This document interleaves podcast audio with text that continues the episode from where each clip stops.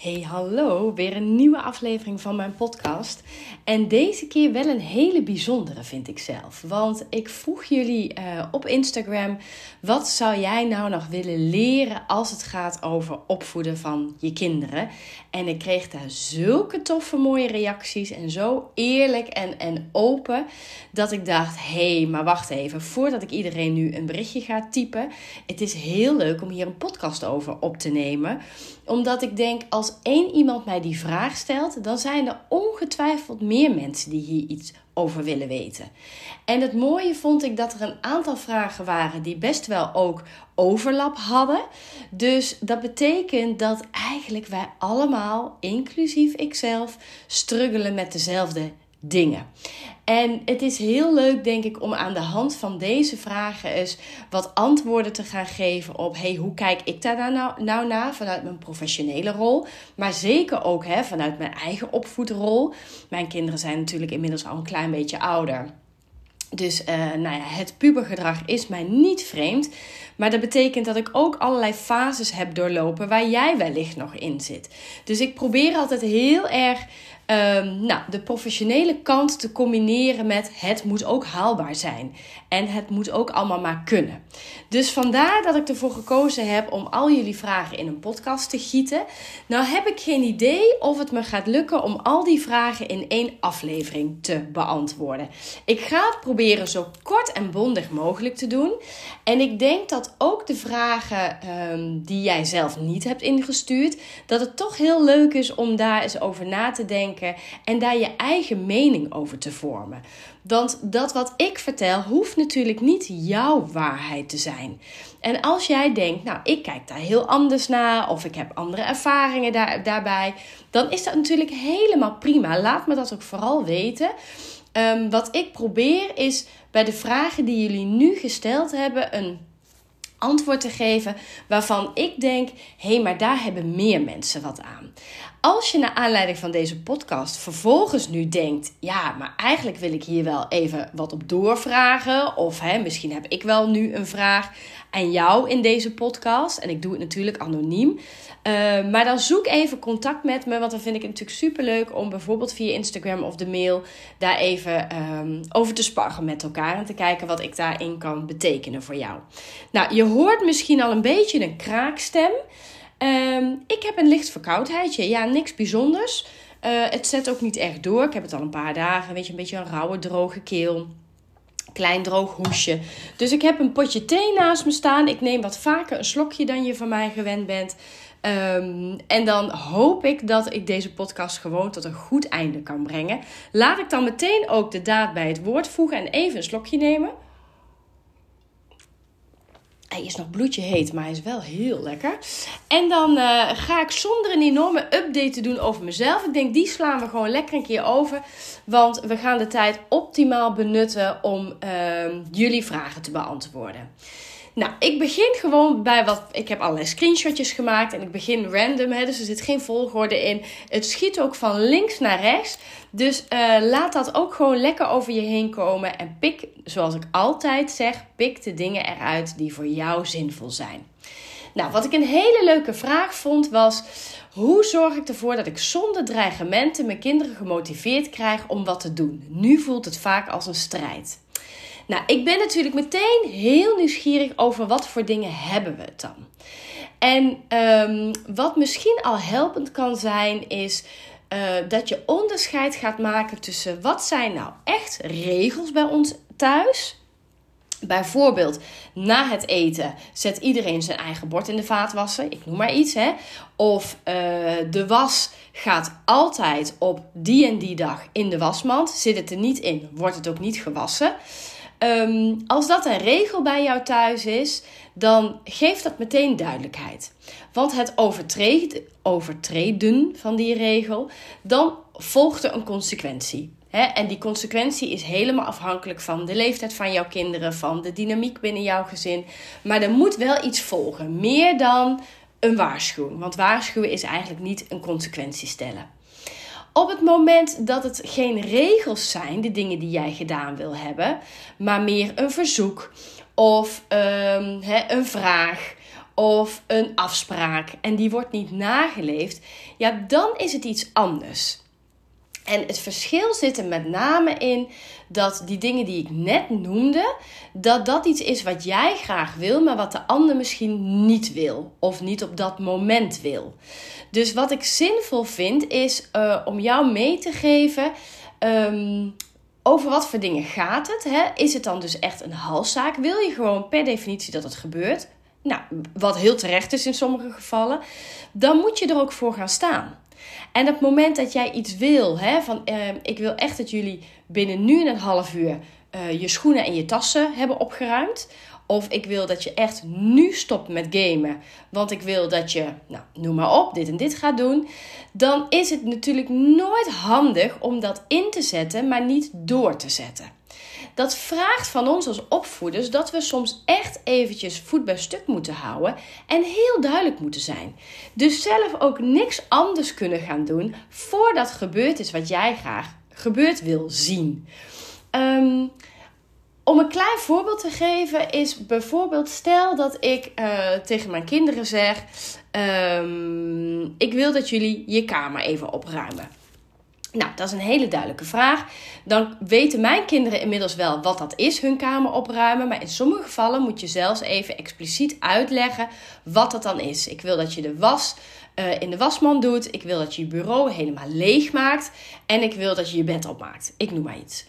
Um, omdat opruimen niet voor ieder kind namelijk even duidelijk is. Ja, maar wat willen ze dan van me?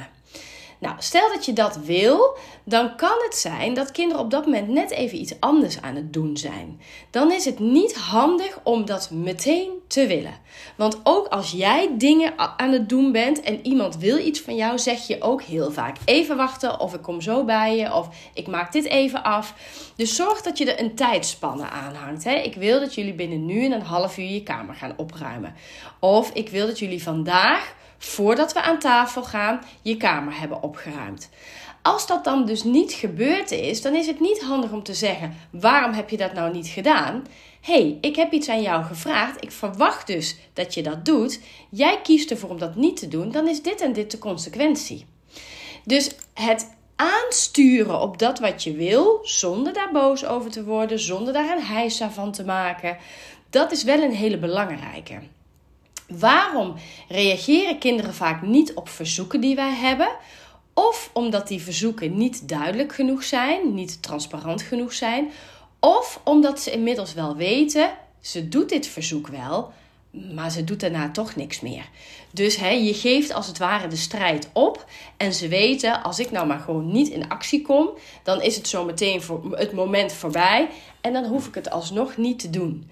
Dus dat is een hele mooie om eens even kritisch bij jezelf na te gaan. hey, hoe ga ik daar nou eigenlijk zelf mee om? Nou, ik kan daar natuurlijk nog veel meer over vertellen.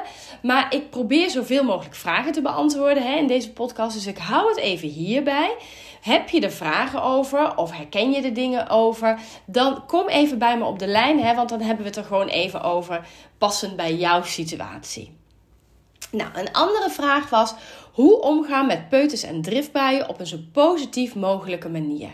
Nou, daar zeg je al iets heel moois, want peuters en driftbuien hangt echt volledig met elkaar samen. Waarom is dat zo? Omdat peuters een ik-ontwikkeling aan het ontwikkelen zijn. Dus daar waar ze in die dreumes- en babyfase helemaal afhankelijk zijn van jou, merken ze in die peuterfase dat ze veel meer een individuutje zijn, dat ze los zijn van hun ouders, dat ze daarin eigen keuzes mogen maken, kunnen maken, dat ze erin een eigen willetje kunnen gaan ontwikkelen. En um, driftbuien past dus helemaal bij een gezonde ontwikkeling. Waarom leg ik dat even uit? Omdat uh, ik best wel vaak vragen krijg over driftbuien en ouders dan denken dat het. Oh.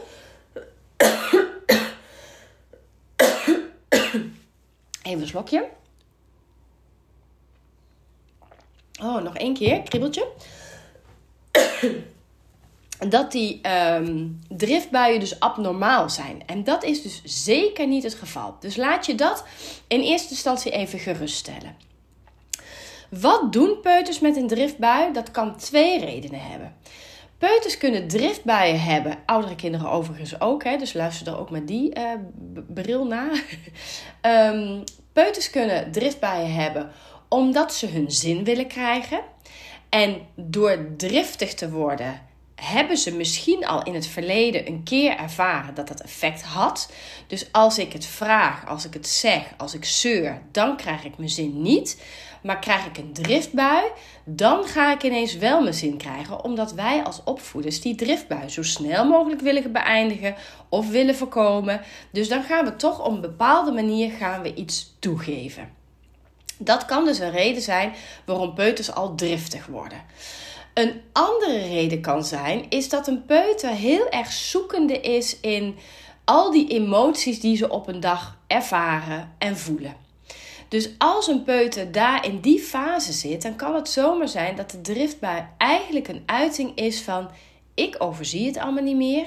Ik weet niet wat er nu van mij verwacht wordt. Ik weet niet wat nu precies de bedoeling is. En de uitingsvorm is dan heel driftig worden met ja, eigenlijk de onderliggende boodschap: help, ik overzie het niet meer. Help mij om de wereld weer te overzien. Ehm, in beide gevallen ga je er natuurlijk op een iets andere manier mee om, terwijl er ook heel veel overlap zit. Want bij driftbuien zeg ik altijd: het eerste wat je doet is liefdevolle begrenzing. Ik zie dat je heel boos bent. Ik zie dat je het heel moeilijk hebt. Ik zie dat je dit heel graag wil. Maar ik wil niet dat je me pijn doet. Of ik wil dat je stopt met gillen. Je mag verdrietig zijn. Je mag boos zijn. Maar ik wil niet dat jij je zusje slaat. Nou, ik vul even wat dingen in die je zou kunnen zeggen. Hè? Dus je begrenst het gedrag. Maar je erkent de emotie. En dat maakt meteen ook, hè, hoe doe je dat nou op een zo positief mogelijke manier? En ik weet, het is makkelijker gezegd dan gedaan. Maar boos worden, daarmee neem je eigenlijk je peuter alleen meer mee naar een hogere, uh, naar een hoger level zou ik bijna willen zeggen, van die driftbui.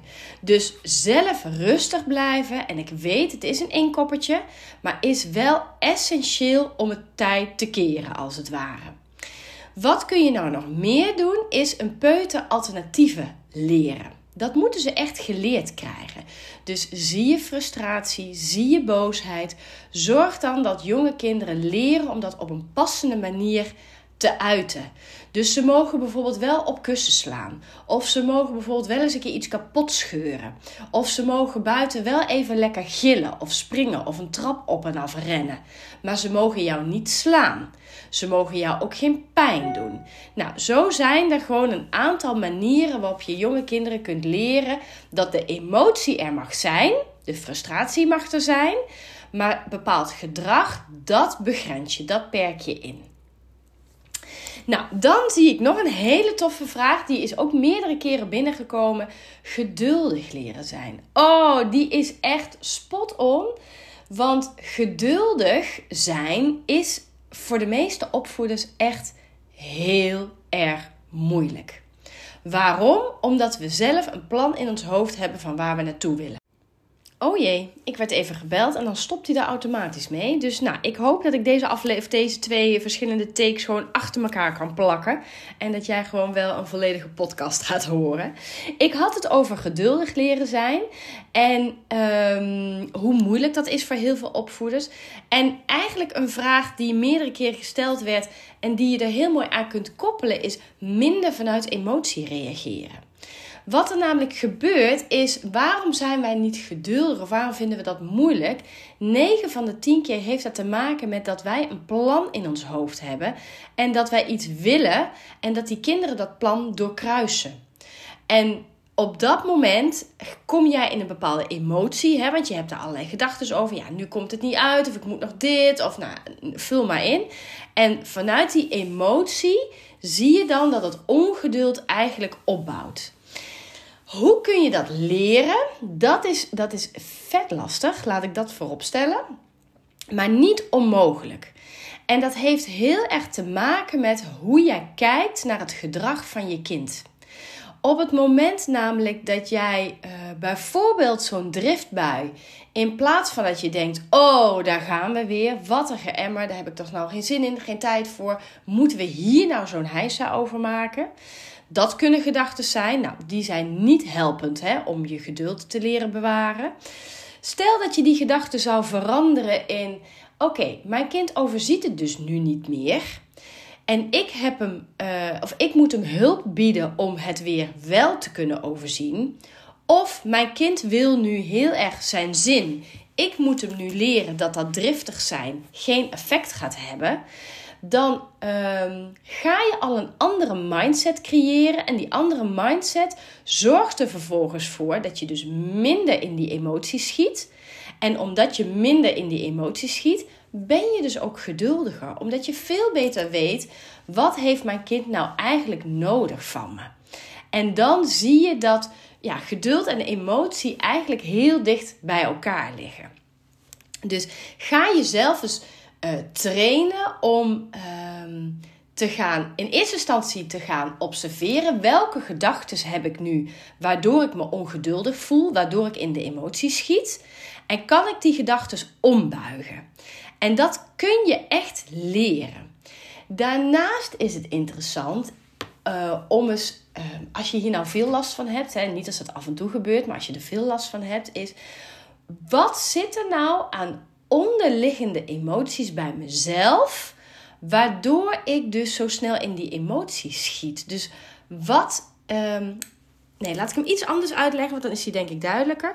We weten hè, dat we voor 95% onze reacties voortkomen vanuit ons onderbewuste systeem. En ons onderbewuste systeem wordt weer gevoed door alle ervaringen die we hebben. Alles wat we in het verleden hebben meegemaakt. Dus alles wat er opgeslagen is, als het ware. Op onze eigen harde schijf zou je kunnen zeggen. Um, soms is het zinvol om eens even te gaan checken bij jezelf waarom reageer ik nou zo? En dat kan te maken hebben met die gedachten waar ik het net over had, maar dat kan ook nog andere oorzaken hebben. Bijvoorbeeld dat jij zelf een moeder had die eigenlijk altijd zei: Kom op, niet zo piepen en doorgaan. Waardoor jij dat zelf ook bij je kind heel erg op de voorgrond zet. Terwijl jouw kind vraagt misschien op dat moment echt iets anders van jou en wel even een beetje geduld. En natuurlijk zijn er momenten waarop het echt even niet kan. Waarop je echt even niet de aandacht kunt geven die je zou willen geven. Dan moet je dus accepteren dat het soms het gedrag eigenlijk alleen maar erger wordt omdat jij met ongeduld en vanuit emotie reageert. En als je dat realiseert van ja, het kan nu echt even niet anders, maar daarmee accepteer ik nu wel dat ze nog harder gaan schreeuwen of dat het wat langer duurt dan ik eigenlijk wil, dan is dat dus wat waar je mee te dealen hebt, als het ware. Ehm, en daarin mag je altijd bij jezelf, en het lastige is, hè, wij, onze kinderen zijn echt een spiegel van ons, voor onszelf. Um, om het niet altijd bij die kinderen neer te leggen, maar ook heel goed dus in jouw eigen spiegel te kijken. Waarom reageer ik nu zo? Waar heb ik nou precies last van? Is dat terecht? Hè? Want Ehm, ik weet bijvoorbeeld een vriendin, ja, daar heeft ze tot op de dag van vandaag nog last van. Die zei: Ja, ik vind het gewoon ingewikkeld als mijn eigen plannen worden doorkruist. Dan zijn ze bijvoorbeeld even lekker buiten spelen, of ze zijn even met z'n tweeën een spelletje aan het doen. En dan denk ik: Oh, nu kan ik even mooi dit of dat doen. Vervolgens ontstaat er strijd tussen de twee kinderen. Moet zij in de actie komen? En zegt ze: Ja, en dan raak ik geïrriteerd omdat mijn plannen doorkruist worden. En ik snap dat. Maar welkom in de wereld van opvoeden. Ja, kinderen doorkruisen voortdurend onze plannen. Daar heb je dus mee te dealen. Of niet, hè? of hè, stick to the plan, dus blijf bij je plan. Maar dan moet je dus accepteren dat het soms erger wordt dan je aanvankelijk eigenlijk wilde. Um, dan heb ik een aantal vragen over loslaten. En eentje die bijvoorbeeld was, is hoe laat ik een kind van 20 los als, als die uit huis wil en dan los tussen haakjes. En iemand anders had bijvoorbeeld hè, me niet overal mee bemoeien. Dat is natuurlijk ook een manier van loslaten. Dus ik pak hem iets breder. En um, loslaten begint eigenlijk bij het feit dat jouw kind niet jouw eigendom is. En dat zeg ik een beetje stellig en een beetje strak, maar dan snap je wel wat ik bedoel. En jouw taak als opvoeder, en die zeg ik ook een beetje kort door de bocht, maar dan hebben we hem wel lekker scherp en helder. Jouw taak als opvoeder is zorgen dat in eerste instantie jouw kind veilig is om te kunnen ontwikkelen, groeien en bloeien. En naarmate ze ouder worden en ze die veiligheid beter zelf kunnen uh, ja, creëren, als het ware, dan is het jouw taak om als opvoeder jouw kind flexibel, weerbaar en wendbaar in het leven te zetten. Om uiteindelijk op eigen benen te kunnen staan. Wat wij vaak doen, en ik doe het ook, ik kan het echt niet ontkennen, is dat we er bovenop duiken. Want wij willen dat die kinderen veilig zijn. Dat is dus eigenlijk een heel goed iets. Alleen, soms duiken we er te veel bovenop. En dan kan een kind dus niet meer ontwikkelen, kan die niet meer groeien en bloeien. Als we het hebben hè, in deze vraag over een iemand van 20, ja, dan uh, hè, die uit huis wil, dan denk ik: wauw, fantastisch. Stimuleer het. Maar help hem vervolgens. Hoe kun jij op een goede manier uit huis? Wat heb je daarvoor nodig? Wat heb jij nog te ontwikkelen? Wat heb jij nog te leren? En toevallig dat we gisteren even, uh, had ik met mijn jongens daar even een gesprek over. En um, daar zat ook een andere puber van vrienden bij. En uh, nou, mijn kind kan behoorlijk goed koken, vindt het ook leuk. Dus toen ging het over, uh, toen zeiden die ouders van die vrienden van, van ja, maar, maar uh, ja, als ze dan op zichzelf wonen, ze kunnen nog geen ei bakken. Waarop Guus terecht zegt, nou, ik kan prima uh, koken. Ik kan ook gezond koken. Ik, hè, ik hoef niet alles uit een kookboek te doen. Ik kan ook dingen zelf bedenken. En dat andere kind kon dat nog helemaal niet. Dus nou, dat vond ik een heel mooi voorbeeld. Dat ik denk, oh ja, dat is iets hè, wat Guus dus echt al heel goed kan. Nou, die zou ik hier een week neer kunnen zetten met een huishoudpotje en kunnen zeggen: regel jij zeven dagen het eten. Uh, hier is budget, uh, succes ermee. Die gaat boodschappen doen, die kookt en het is nog voedzaam, gezond en lekker ook. Um, maar er zijn kinderen die dat nog niet kunnen. Dus dan ligt daar een taak om dat te gaan leren. Ik denk als het gaat over hè, dat soort issues, hè, dus, dus uh, zorgen voor jezelf qua hygiëneverzorging, koken, dus hè, de innerlijke mens goed verzorgen, uh, financiën, uh, kleding wassen, inschatten wanneer er eens een keer een bed verschoond moet worden. Nou ja, dat zijn allemaal dingen waar je ze mee kunt helpen om te zorgen dat ze uiteindelijk op eigen benen kunnen staan.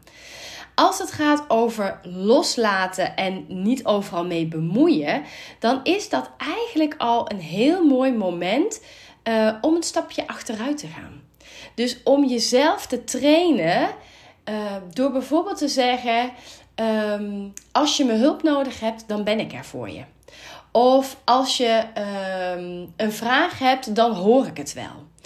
Waardoor jij wel iets kunt zeggen op een situatie zonder het op te lossen of je er tegenaan te bemoeien. Um, soms zie ik dingen gebeuren hier thuis en dan denk ik: Oh, ik vind hier van alles van. En het liefst zou ik ook van A tot Z voorkouwen hoe ze het beter kunnen aanpakken. Beter in mijn ogen. Maar leren ze daar nou zoveel van? Nee. Dus laat ik het los en zeg ik alleen maar: ik ben beneden. Als je me hulp nodig hebt, hoor ik het wel. Of hè, ehm, als je er niet uitkomt, um, misschien weet ik het. Dan denk ik graag met je mee. Dus nou, dat kun je natuurlijk hè, bij wat oudere kinderen doen, maar dat kun je ook al bij jonge kinderen doen. Want ook daar hoef je niet altijd ergens bovenop te zitten en je er inderdaad tegenaan te bemoeien. Laat het soms ook gebeuren, want dat helpt ze enorm om te zorgen dat ze dus uh, daar rijper in worden hè, en daarin uh, kunnen groeien. Dus nou ja, kijk eens of je daarmee kunt gaan stoeien. Dan ga ik heel even kijken, want dit waren de vragen van één screenshotje. Maar nu moet ik echt die andere. Dan moet ik even kijken hoe ik daar nu kom. Die had ik hier namelijk op mijn laptop in de foto's erbij gezet. Maar nou krijg ik steeds die foto. Waarom lukt dat nou niet? Even kijken. Oh nee, kijk, hier kom ik weer bij een nieuwe rits. Ja. Ehm, oh, grappig. Vervolgens lees ik nu de eerste vraag: hoe kan ik mijn kinderen meer en beter dingen zelf laten ontdekken? Nou, dat is dus eigenlijk het verlengde van wat ik net vertel. Doe letterlijk een stapje achteruit. Um, kinderen hebben vertrouwen nodig van jou om dingen te doen. Vervolgens te ervaren, kan ik het al wel of kan ik het nog niet? Wat heb ik nodig om het te leren? En dat helpt niet als jij dan voortdurend met je snuffert erbij zit of er bovenop zit. Dat gaat dus niet. Um, dus nou ja, dat is, um, ja, dat is wel een lastige, omdat je wil die balans. Hè? Dus je wil enerzijds heb je je eigen normen en waarden. Um, qua opvoeden, maar ook überhaupt in het leven. Maar je wil ze ook dingen zelf laten ontdekken. Ja, dat is dus voortdurend een, een spanningsveld waarin uh, moet ik echt ingrijpen omdat ik ze veilig moet houden, want dat is je taak als opvoeder. En waarin moet ik juist een stapje achteruit doen, omdat ik dus wil dat het kinderen worden die zelf problemen kunnen oplossen, die flexibel zijn, die zelfvertrouwen hebben. En um, dat hangt dus ook een beetje af van in welke fase je kind zit. Um, en laat ze alsjeblieft af en toe op hun snuffert gaan. Letterlijk en figuurlijk, want dat is de groei. En omdat wij zo graag willen dat niemand meer fouten maakt, um, willen we dus ook voorkomen dat kinderen fouten maken. Terwijl juist fouten maken zorgt ervoor dat kinderen leren. Dat ze een ervaring rijker zijn.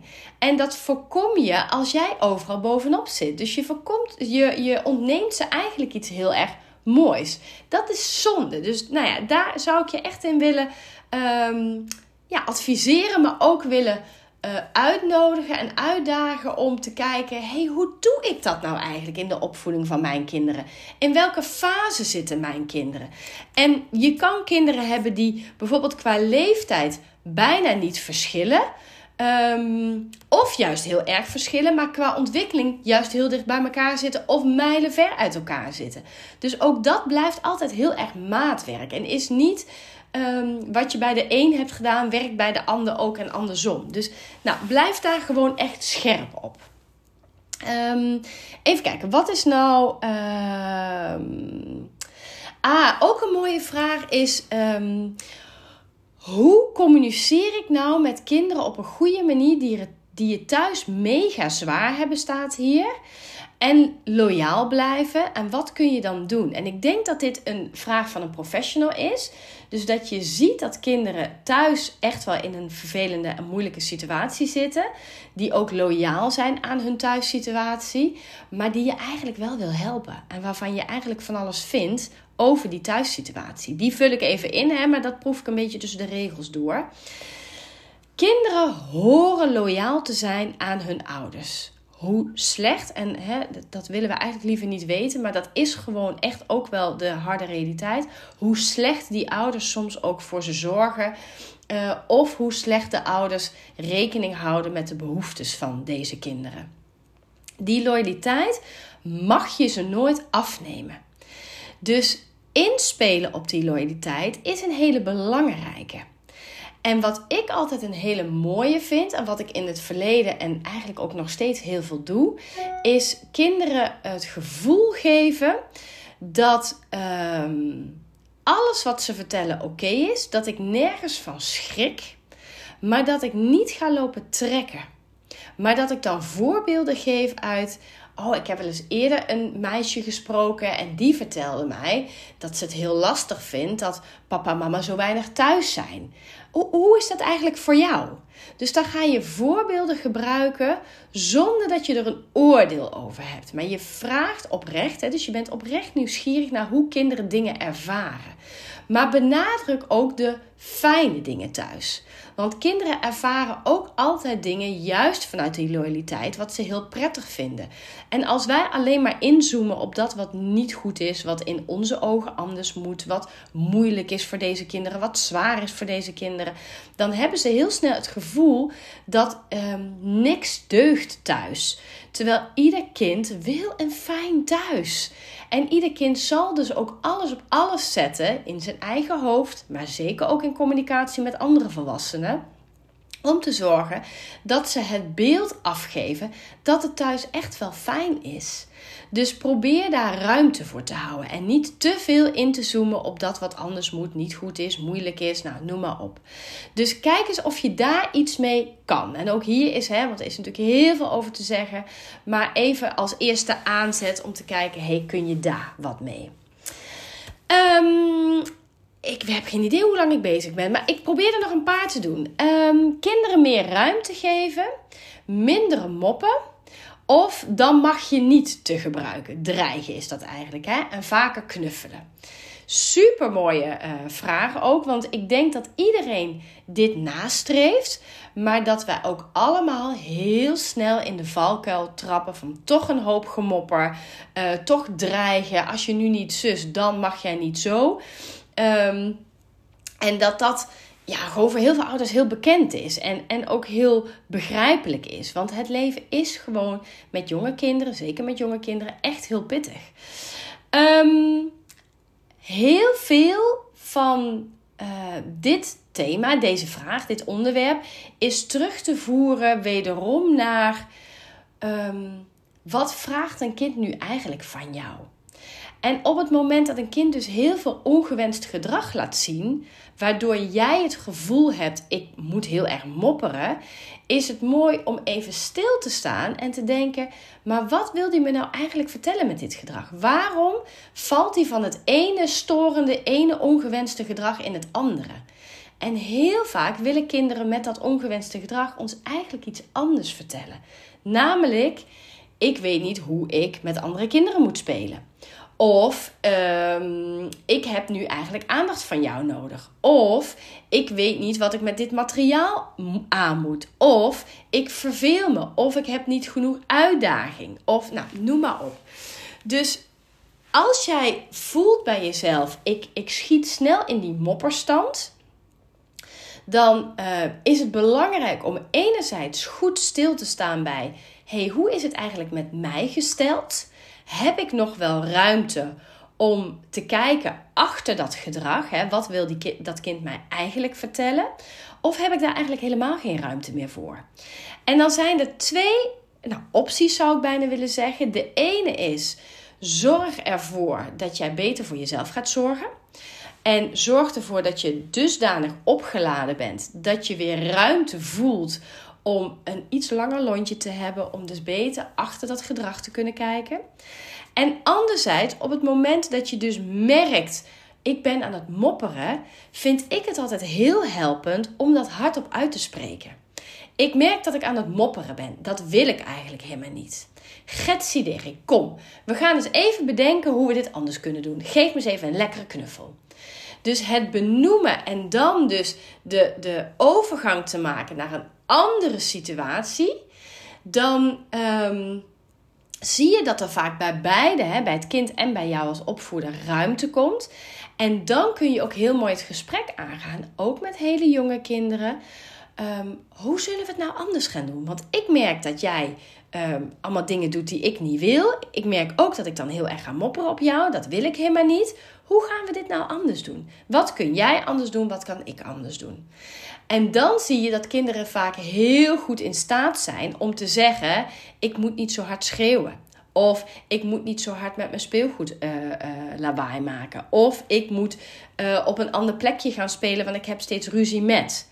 Nou, daarin zie je dat jij jezelf altijd meeneemt in die opvoeding.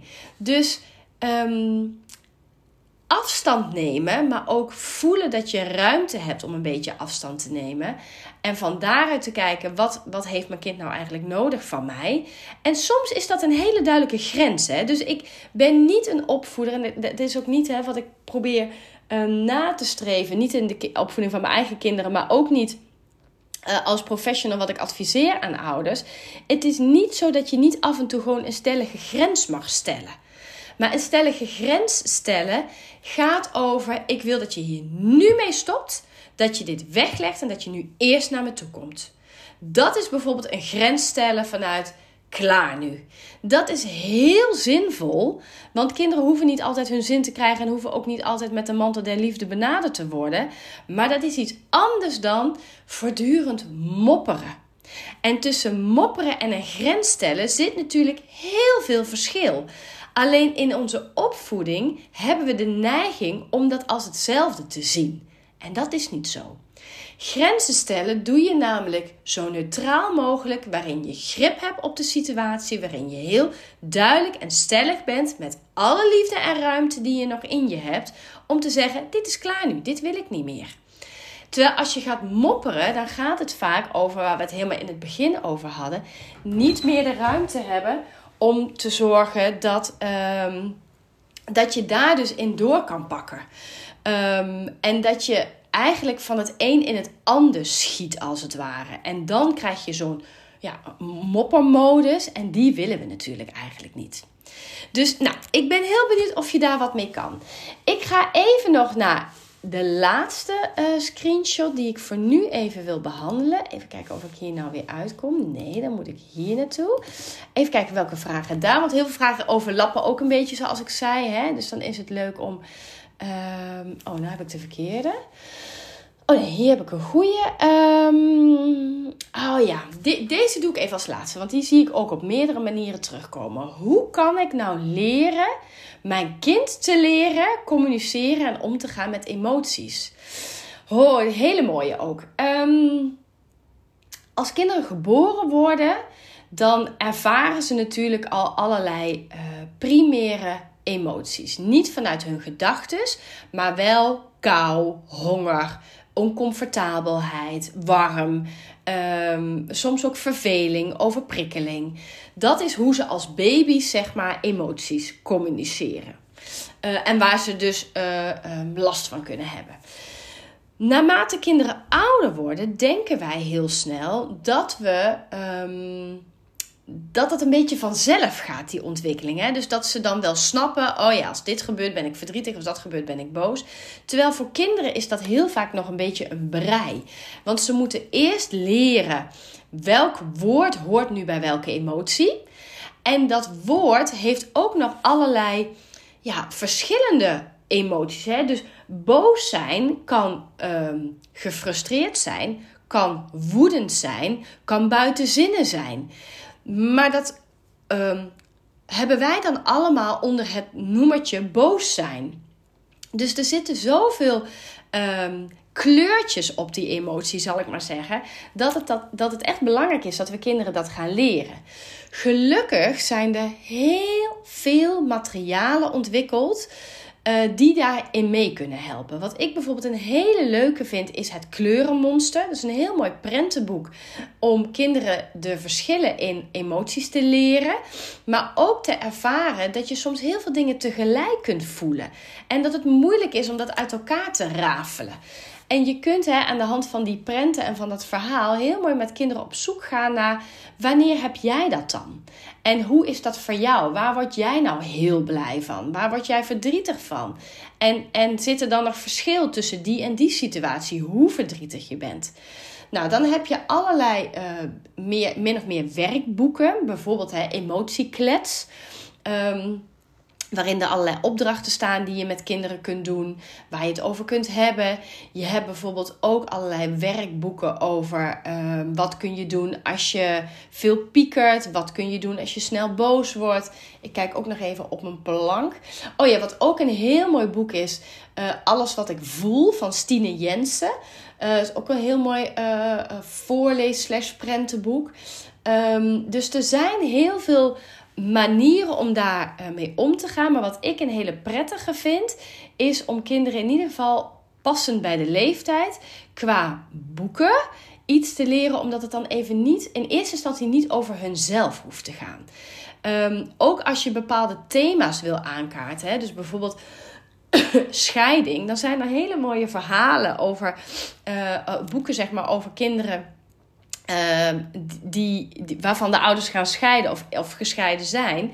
En door, um, te, uh, door te vertellen, hè, door voor te lezen over die ervaringen, kun je bij je kind heel mooi toetsen: hey, is dat bij jou hetzelfde of is dat bij jou anders? Omdat je juist onderscheid wil maken in dat ieder kind andere dingen voelt en dat dat helemaal oké is.